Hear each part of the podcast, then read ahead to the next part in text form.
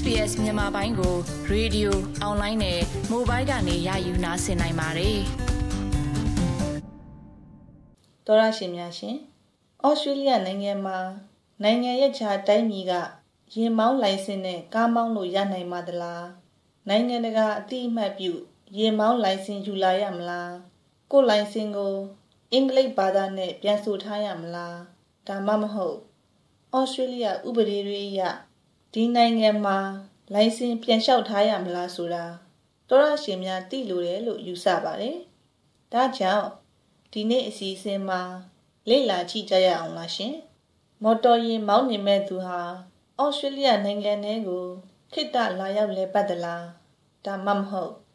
ဩစတြေးလျနိုင်ငံမှာအမြဲတမ်းနေထိုင်သူလားဆိုတာပေါ်မှာမူတည်ပြီးဥပဒေတွေကွာခြားပါတယ်။ဒါအပြင်ဩစတြေးလျ ပြည်နယ်တစ်ခုနဲ့တစ်ခုရင်မောင်းနှင်ခြင်းဆိုင်ရာ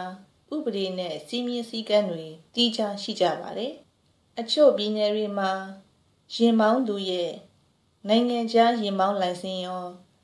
နိုင်ငံတကာအတိအမှတ်ပြုရင်မောင်းလိုင်စင်ရောယူဆောင်လာဖို့လိုအပ်ပါတယ်။အချို့ပြည်နယ်တွေမှာတော့ရင်မောင်းသူရဲ့လက်ရှိနိုင်ငံခြားရင်မောင်းလိုင်စင်နဲ့အတူတရားဝင် အင်္ဂလိပ်ဘာသာပြဆိုထားချက်ကိုပါယူဆောင်လာဖို့လိုအပ်ပါတယ်။မြောက်ပိုင်းဒေသတွေအပါအဝင်ပြည်내အချို့မှာတော့ရင်မောင်းလိုင်စင်လက်ရှိသက်တမ်းရှိနေရင်နိုင်ငံခြားရင်မောင်းလိုင်စင်နဲ့ပဲမောင်းနှင်လို့ရပါတယ်။ဒီရင်မောင်းလိုင်စင်ပေါ်မှာဖော်ပြထားတဲ့သတ်မှတ်ချက်တွေနဲ့အညီမောင်းနှင်ခွင့်ပြုထားတဲ့ရင်တွေကိုပဲဒီဘက်မှာလည်းမောင်းနှင်ခွင့်ရှိပါတယ်။ ACT လို့အတူကောက်တိကြတဲ့ Australia မြို့တော်နယ်နိမိတ်ဒေသ Australian Capital Territory မှာဧည့်သည်တွေဆိုရင် ACT ရင်မောင်းလိုင်စင်မလိုအပ်ပဲလက်ရှိသက်တမ်းရှိ နိုင်ငံခြားရင်မောင်းလိုင်စင်နိုင်ငံတကာရင်မောင်းလိုင်စင်တွေနဲ့ပဲမောင်းနှင်လို့ရပါတယ်။ဒါပေမဲ့မူရင်းလိုင်စင်ကအင်္ဂလိပ်ဘာသာစကားနဲ့ထုတ်ပေးထားတာမဟုတ်ဘူးဆိုရင် ဒီနိုင်ငံခြားလိုင်စင်ကိုဘာသာပြန်ဆိုထားချက်ကိုမူရင်းလိုင်စင်နဲ့အတူအမြဲတမ်းစောင့်ထားဖို့လိုအပ်ပါတယ်။ဒီဘာသာပြန်ဆိုချက်ကိုကင်ဆောင်သူရဲ့တန်ယုံဒါမှမဟုတ်တန်မှုကနေဘာသာပြန်မှုစစ်မှန်ကြောင်းအတည်ပြုရမှာဖြစ်ပါတယ်။ဒါမှမဟုတ်ဩစတြေးလျဘက်ကအတိအမှတ်ပြု NAATI လို့အတူကောက်ခေါ်တဲ့ National Accreditation Authority for Translators and Interpreters ဒါမှမဟုတ် AUSIT လို့ခေါ်တဲ့ Australian Institute of Interpreters and Translators အဖွဲ့အစည်းတွေကမိတူမှတ်အစစ်ဖြစ်ကြောင်းအတိအမှတ်ပြုပေးရမှာဖြစ်ပါတယ်။ ACT မှာအမြဲတမ်းနေထိုင်တဲ့သူတွေကတော့ ACT ရင်မောင်းလိုင်စင်ကိုကင်ဆောင်ထားဖို့လိုအပ်ပါတယ်။အသေးစိတ်သိရှိလိုတဲ့ဆိုရင်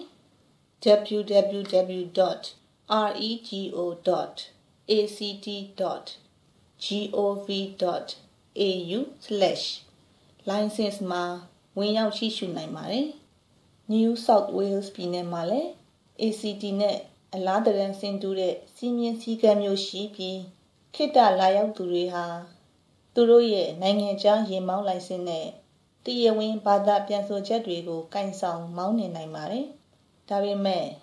New South Wales ပြည်နယ်ထဲမှာနေထိုင်မှုဆုံးဖြတ်ထားတယ်ဆိုရင်တော့လက်ရှိနိုင်ငံခြားလိုင်စင်နဲ့၃လသာမောင်းနှင်ခွင့်ရှိပြီးနောက်ပိုင်းဆက်လက်မောင်းနှင်မှုကိုတော့ New South Wales လိုင်စင်ကိုကင်ဆောင်ထားရမှာဖြစ်ပါတယ်။အသေးစိတ်သိရှိလိုတဲ့ဆိုရင် www.rms.nsw.gov.au/ road/license မှာဝင်ရောက်လေ့လာကြည့်ရှုနိုင်ပါတယ်။မြောက်ပိုင်းပြည်နယ်တွေမှာလည်းအခြားပြည်နယ်တွေလိုပဲဧည့်သည်တွေဟာနိုင်ငံခြားလိုင်စင်တွေနဲ့တစ်ဆက်တစ်ဆက်တည်း3လမောင်းနှင်ခွင့်ရှိပြီးအဲ့ဒီနောက်ပိုင်းမှာတော့မြောက်ပိုင်းပြည်နယ်တွေရဲ့လိုင်စင်ကိုလျှောက်ထားကင်ဆောင်ရမှာဖြစ်ပါတယ်။ဒီလိုင်စင်ကိုကင်ဆောင်ဖို့ ကင်းလွတ်ခွင့်ရရှိထားတဲ့အခြေအနေတချို့လည်းရှိတယ်လို့သိရပါတယ်။အသေးစိတ်ကို www.transport.nt.gov.au gov.au မှာဝင်ရောက်ကြည့်ရှုနိုင်ကြပါတယ်။ Queensland ပြည်နယ်မှာတော့လက်ရှိသက်တမ်းရှိ နိုင်ငံခြားလိုင်စင်နဲ့မောင်းနှင်လို့ရနိုင်ပါတယ်။ဒါပေမဲ့ Queensland လိုင်စင်ကင်ဆောင်ထားပြီဆိုရင် အခြားပြည်နယ်တွေမှာ ထုတ်ပေးထားတဲ့လိုင်စင်ရောနိုင်ငံခြားလိုင်စင်ရောကင်ဆောင်ခွင့်အကျုံးမဝင်တော့ပါဘူး Queensland မှာရင်မောင်းလိုင်စင်လျှောက်ထားဖို့လိုအပ်တဲ့သူတွေဟာ1 Australia နိုင်ငံသားဖြစ်ပြီး Queensland မှာ3လနေထိုင်လာခဲ့ရင်ဒါမှမဟုတ်2 Australia နိုင်ငံသားမဟုတ်တော့လဲ Queensland မှာနေထိုင်စဉ်နေထိုင်ခွင့်ဗီဇာရရှိခဲ့ပြီး အဲ့ဒီနောက်ပိုင်း3လဆက်တိုက်နေထိုင်လာခဲ့ရင် Queensland ရင်မောင်းလိုင်စင်ကိုကင်ဆောင်မောင်းနေရမှာဖြစ်ပါတယ်။အသေးစိတ်သိရှိလိုတဲ့ဆိုရင် www.qld.gov.au/transport/licensing မှာကြည့်ရှုလေ့လာနိုင်ပါတယ်။ South Australia မှာလည်းအဲ့ဒီတယောက်မော်တော်ယာဉ်မောင်းနေမယ်ဆိုရင် အင်္ဂလိပ်ဘာသာစကားနဲ့ရေးသားထားတဲ့နိုင်ငံခြားလိုင်စင်ဒါမှမဟုတ်ဘာသာပြန်ထားတဲ့လိုင်စင်ဒါမှမဟုတ်အပြည်ပြည်ဆိုင်ရာမောင်းနှင်ခွင့်လိုင်စင်တို့နဲ့မောင်းနှင်လို့ရပါတယ်။ဧည့်သည်မဟုတ်ဘဲ South Australia မှာအခြေချနေထိုင်ပြီးဆိုတာနဲ့ရက်ပေါင်း90အတွင်း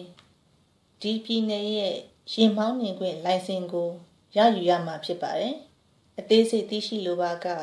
www.sa.gov.au/topics မှာဝင်ရောက်ကြည့်ရှုနိုင်ကြပါတယ်။ Tasmania ပြည်နယ်မှာလည်းနိုင်ငံတကာအကြောင်းသားတွေအလုပ်လာရောက်လုပ်ကိုင်တဲ့သူတွေလာရောက်လဲပတ်တဲ့သူတွေနဲ့အမြဲတမ်းနေထိုင်ခွင့်ဗီဇာမရတဲ့သူတွေဟာသူတို့ရဲ့လက်ရှိနိုင်ငံခြားရင်မောင်းလိုင်စင်နဲ့မောင်းနှင်ခွင့်ရှိပါတယ်။ မူရင်းလိုင်စင်ဟာအင်္ဂလိပ်ဘာသာစကားနဲ့မဟုတ်ခဲ့ဘူးဆိုရင်ဘာသာပြန်ဆိုထားဖို့လိုအပ်ပါတယ်။အမြဲတမ်းနေထိုင်ခွင့်ရရှိပြီဆိုရင်တော့3လအတွင်းတက်စမေးနီးယားလိုင်စင်ကိုလျှောက်ထားကင်ဆောင်ရမှာဖြစ်ပါတယ်။အသေးစိတ်သိရှိလိုတဲ့ဆိုရင် www.transport.tas.gov.au/licensing မှာ ဝင်ရောက်ကြည့်ရှုနိုင်ကြပါတယ်။ Victoria ပြည်နယ်မှာလည်းအခြားပြည်နယ်တွေမှာလိုပဲဧည့်သည်တွေဟာနိုင်ငံခြားလိုင်စင်နဲ့မောင်းနှင်ခွင့်ရှိပါတယ်။ထူးခြားတာတစ်ခုကတော့အမြဲတမ်းနေထိုင်ခွင့်ရရှိတဲ့သူတွေဟာအပြည်ပြည်ဆိုင်ရာရင်မောင်းနှင်ခွင့်လိုင်စင်နဲ့6လအထိမောင်းနှင်လို့ရပါတယ်။အဲဒီနောက်မှာတော့ Victoria ပြည်နယ်ရဲ့လိုင်စင်ကိုလျှောက်ထားရမှာဖြစ်ပါတယ်။ အသေးစိတ်သိရှိလိုတဲ့ဆိုရင် Victoria ပြည်နယ်ရဲ့လိုင်စင်ဌာန website ဖြစ်တဲ့ www.vic.gov.au/licenses မှာအသေးစိတ်ကြည့်ရှုနိုင်ကြပါတယ်။ Western Australia ပြည်နယ်မှာတော့နိုင်ငံခြားလိုင်စင်သက်တမ်းရှိသလောက်ခွင့်ပြုထားတဲ့မော်တော်ယာဉ်ကို မောင်းနှင်လို့ရပါတယ်။ မူရင်းလိုင်စင်ဟာအင်္ဂလိပ်ဘာသာနဲ့မဟုတ်ခဲ့ရင်ဘာသာပြန်အတိအမှတ်ပြုချက်ရယူကင်ဆောင်ထားရမှာဖြစ်ပါတယ်။ဒီလိုင်စင်သက်တမ်းကုန်ရင်တော့ WA လိုင်စင်လျှောက်ထားကင်ဆောင်ရမှာဖြစ်ပါတယ်။အမြဲတမ်းနေထိုင်ခွင့်ရရှိခဲ့ရင်တော့3လအတွင်း WA လိုင်စင်လျှောက်ထားရမှာဖြစ်ပါတယ်ရှင်။သောရရှင်များရှင်အခုဆိုရင်ဩစတြေးလျပြည်နယ်တွေရဲ့ ရင်မောင်းလိုင်စင်ကင်ဆောင်ခွင့်နဲ့ပတ်သက်ပြီးရှင်းရှင်းလင်းလင်းသိရှိသွားကြပြီလို့မျှော်လင့်ပါတယ်။ဒီတော့သောရရှင်များမှာလိုင်စင်မရှိသေးဘူးဆိုရင်